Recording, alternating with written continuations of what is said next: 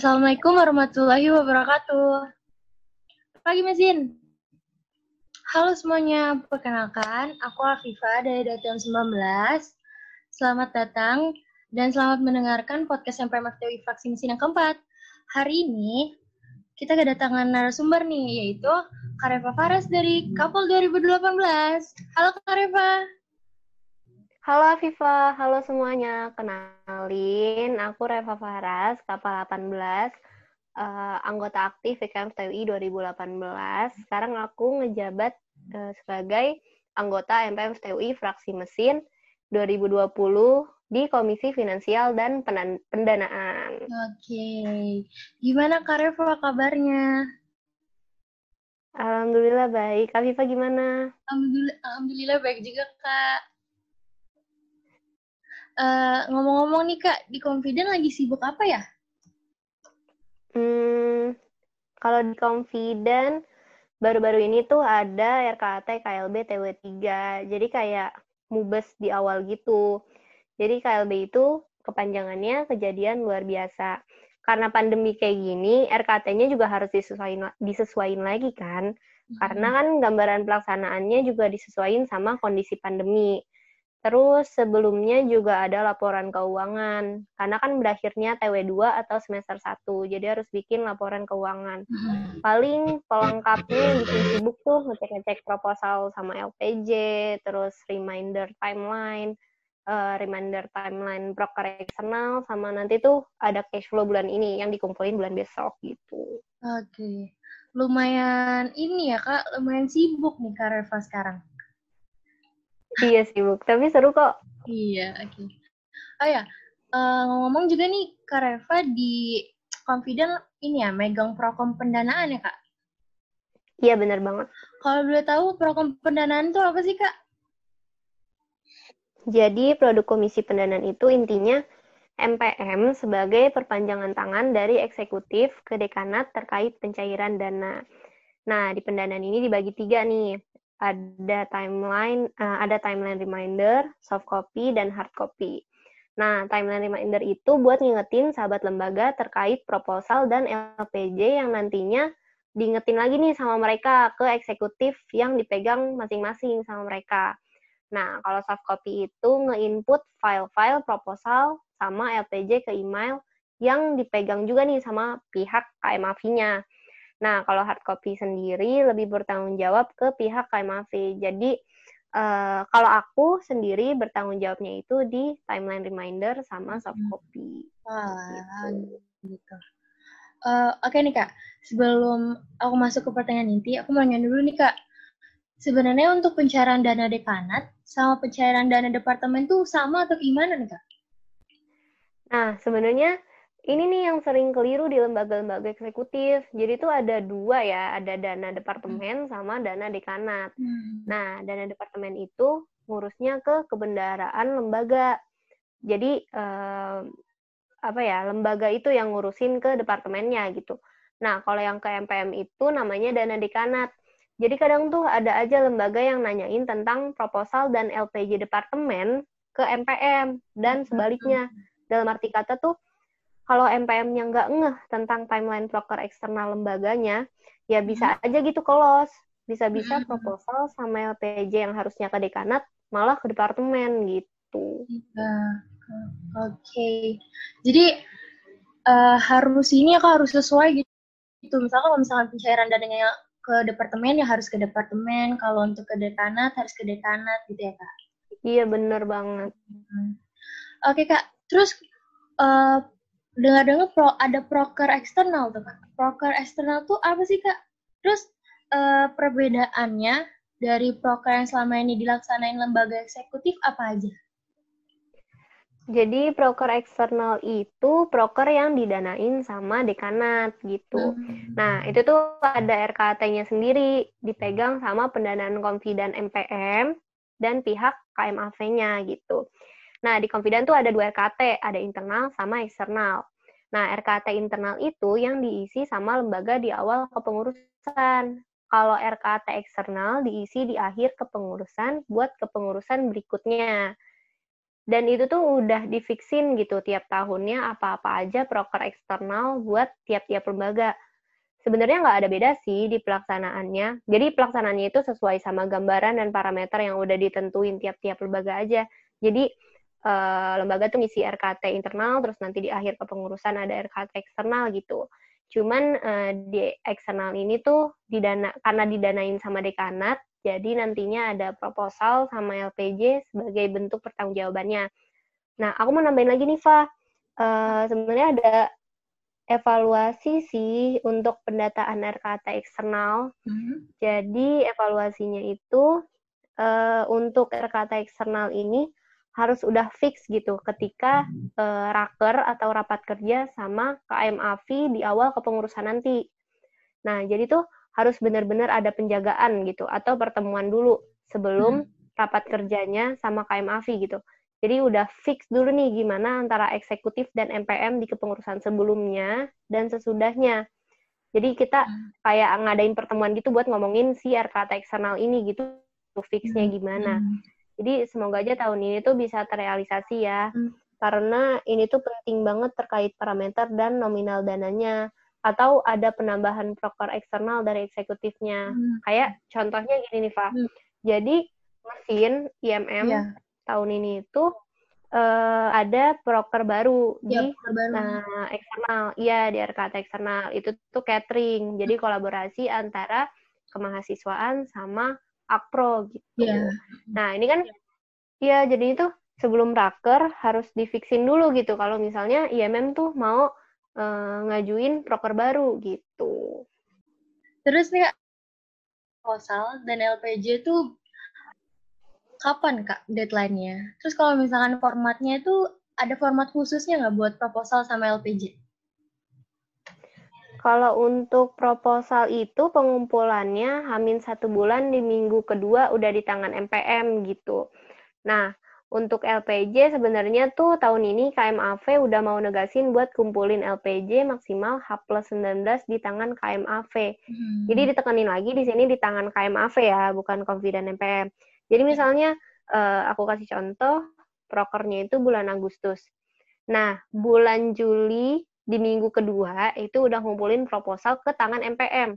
Yeah. Gitu setelah melaksanain proker di bulan Agustus, itu langsung bikin LPJ tuh lembaga eksekutifnya. Hmm. Nah, H plus H plus 16 itu tuh udah fix banget di tangannya uh, eh, MPM, di tangannya pendanaan. Jadi selama 16 hari itu revisi revisi eksekutif, terus balikin lagi ke MPM, revisi lagi eksekutif, terus balikin lagi ke MPM kayak gitu sampai di H plus 19 itu udah di tangan KMAV. Hmm. Jadi di sini tuh biar lembaganya tuh bisa disiplin. Hmm. Tapi karena keadaan pandemi gini jadi sulit kan, jadinya pihak KMAV tuh ngasih keringanan gitu ya, tapi jangan jauh-jauh juga dari terlaksananya si proker.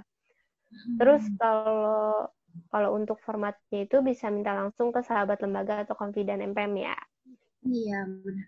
Oh ya, tadi kakak juga sebut sebut ini ya kak, kak KMAV. Kalau boleh tahu KMAV itu apa ya kak? KMAV itu unit kerjasama mahasiswa dan Ventura. Alah, gitu.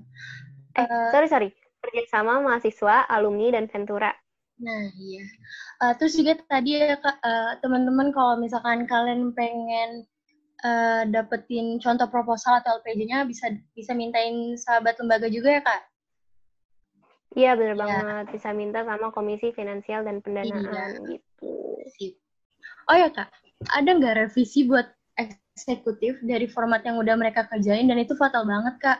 Kayak udah telat gitu buat direvisi dan jadi nggak bisa direvisi sesuai sama ketentuannya. Terus kalau ada boleh ceritain nggak kak Reva dan antisipasinya buat eksekutif itu gimana caranya?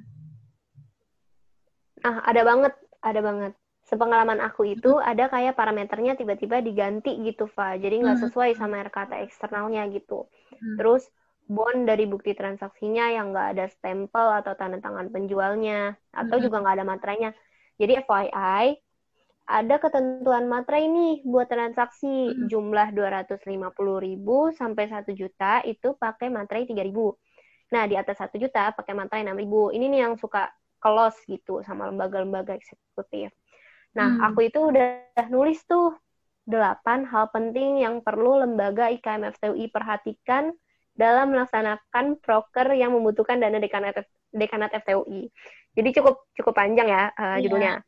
Yeah. Itu bisa di search nih di web MPM FTUI dan uh, kalau mau tahu judul buat searchnya itu ada juga tuh di Instagram MPM FTUI fraksi mesin. Hmm. Itu insya Allah ngebantu banget eksekutif buat prepare segala macamnya sebelum ngerjain proposal dan LPJ juga ngelaksanain prokernya. Jadi kan biasanya lembaga eksekutif tuh kalau misalnya udah mau ngelaksanin proker pasti kan sibuknya ke prokernya ya. Kayak uh, buat beli barang barang-barangnya terus uh, nyiap-nyiapin segala macam sarprasnya gitu. Nah jadi suka close nih kalau terkait proposal sama LPJ gitu. Nah di uh, yang udah aku bikin ini itu tuh uh, bermanfaat banget buat lembaga-lembaga nyiapin uh, buat nge-prepare segala macam terkait proposal sama LPJ-nya biar nggak revisi gitu. Yeah. Jadinya tuh ya jadinya tuh uh, apa ya nggak usah nggak usah uh, ribet-ribet baca format proposal, ribet-ribet baca format LPJ buat nyiapin. Hmm. Ini tuh udah fix banget jadi harus nyiapin ini ini ini ininya gitu. Jadi lebih Nah, ini tuh simpel gitu ya, Kak. Iya, lebih simpel banget hmm. dan ini tuh uh, sebenarnya salah satu cara buat antisipasinya sih, antisipasi kayak gitu yang tadi hmm. kamu tanyain tadi. Hmm. Bener banget nih dari Kak Reva juga dari Kak Reva juga bilang jangan lupa untuk cek artikel eh, artikel-artikel kita yang ada di website MPMFTUI Fraksi Mesin nih teman-teman. Iya, di situ juga ada ini loh uh, ketentuan bukti transaksi full ya. sama rangkumannya. Bener-bener udah komplit banget deh. Iya, bener banget. Jangan lupa dicek ya teman-teman semua. Okay. Dibaca juga. Iya. Okay. Uh, eh, terus nih kak, uh, boleh dijelasin nggak kak alur tercairnya dana dekanat dari FTUI mulai dari pembuatan proposalnya mungkin atau LPG-nya?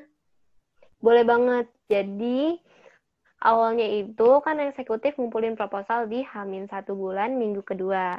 Terus abis itu laksanain proker tuh. Nah, H plus 16 dari tanggal terakhir proker dilaksanain itu udah ada di tangan pendanaan MPM untuk LPG fixnya.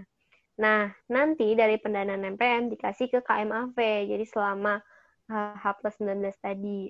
Nah, dari KMAV itu dikasih ke dekanat buat diverifikasi terakhir, terus ke rektorat, baru deh uangnya cair langsung ke eksekutif gitu. Oke, oh ya kak, uh, aku mau nanya nih, kalau misalkan untuk pencairan dana itu kira-kira kita nunggunya berapa lama ya kak? Hmm, kurang lebih satu bulan sih, karena kalau misalnya sistem reimburse itu satu bulan karena uh, perjalanannya juga lama, juga lama kan buat nyampe mm. uh, ke dekanatnya dan segala macamnya gitu. Jadi uh, kurang lebih satu bulan, tapi itu nggak fix juga sih, kadang lebih, kadang cepet gitu. Mm pokoknya ikutin aja rulesnya ntar kayak gimana gitu ya kak? Iya bener banget. Oke. Okay. uh, eh, udah pertanyaan terakhir aja nih kak Reva.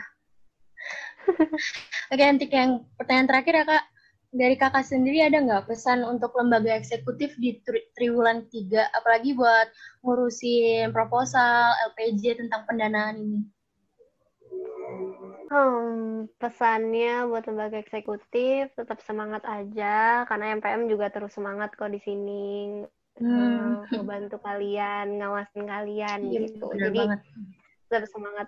Iya tetap semangat aja, sabar-sabarin aja masa jabatannya. Karena ini kan pengalaman juga ya.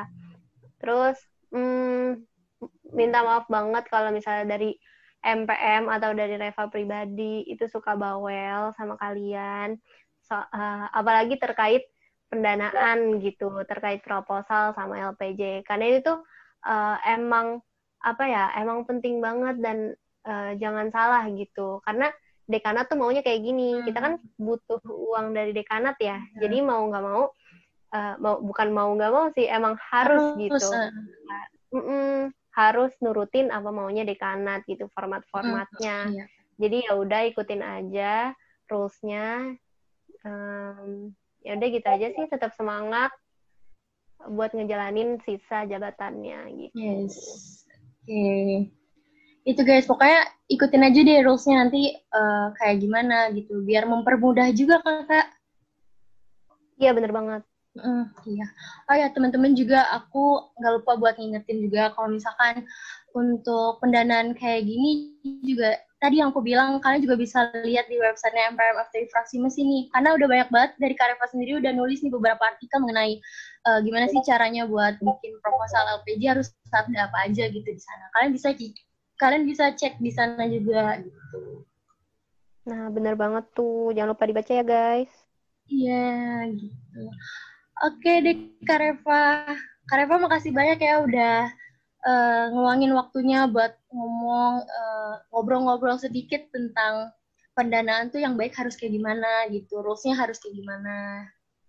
Ya, makasih banget juga Viva udah bersedia jadi moderator dan makasih juga buat yang udah dengerin dan iya. ngecek website MPMTUI Fraksi Mesin. Ah, bener banget tuh.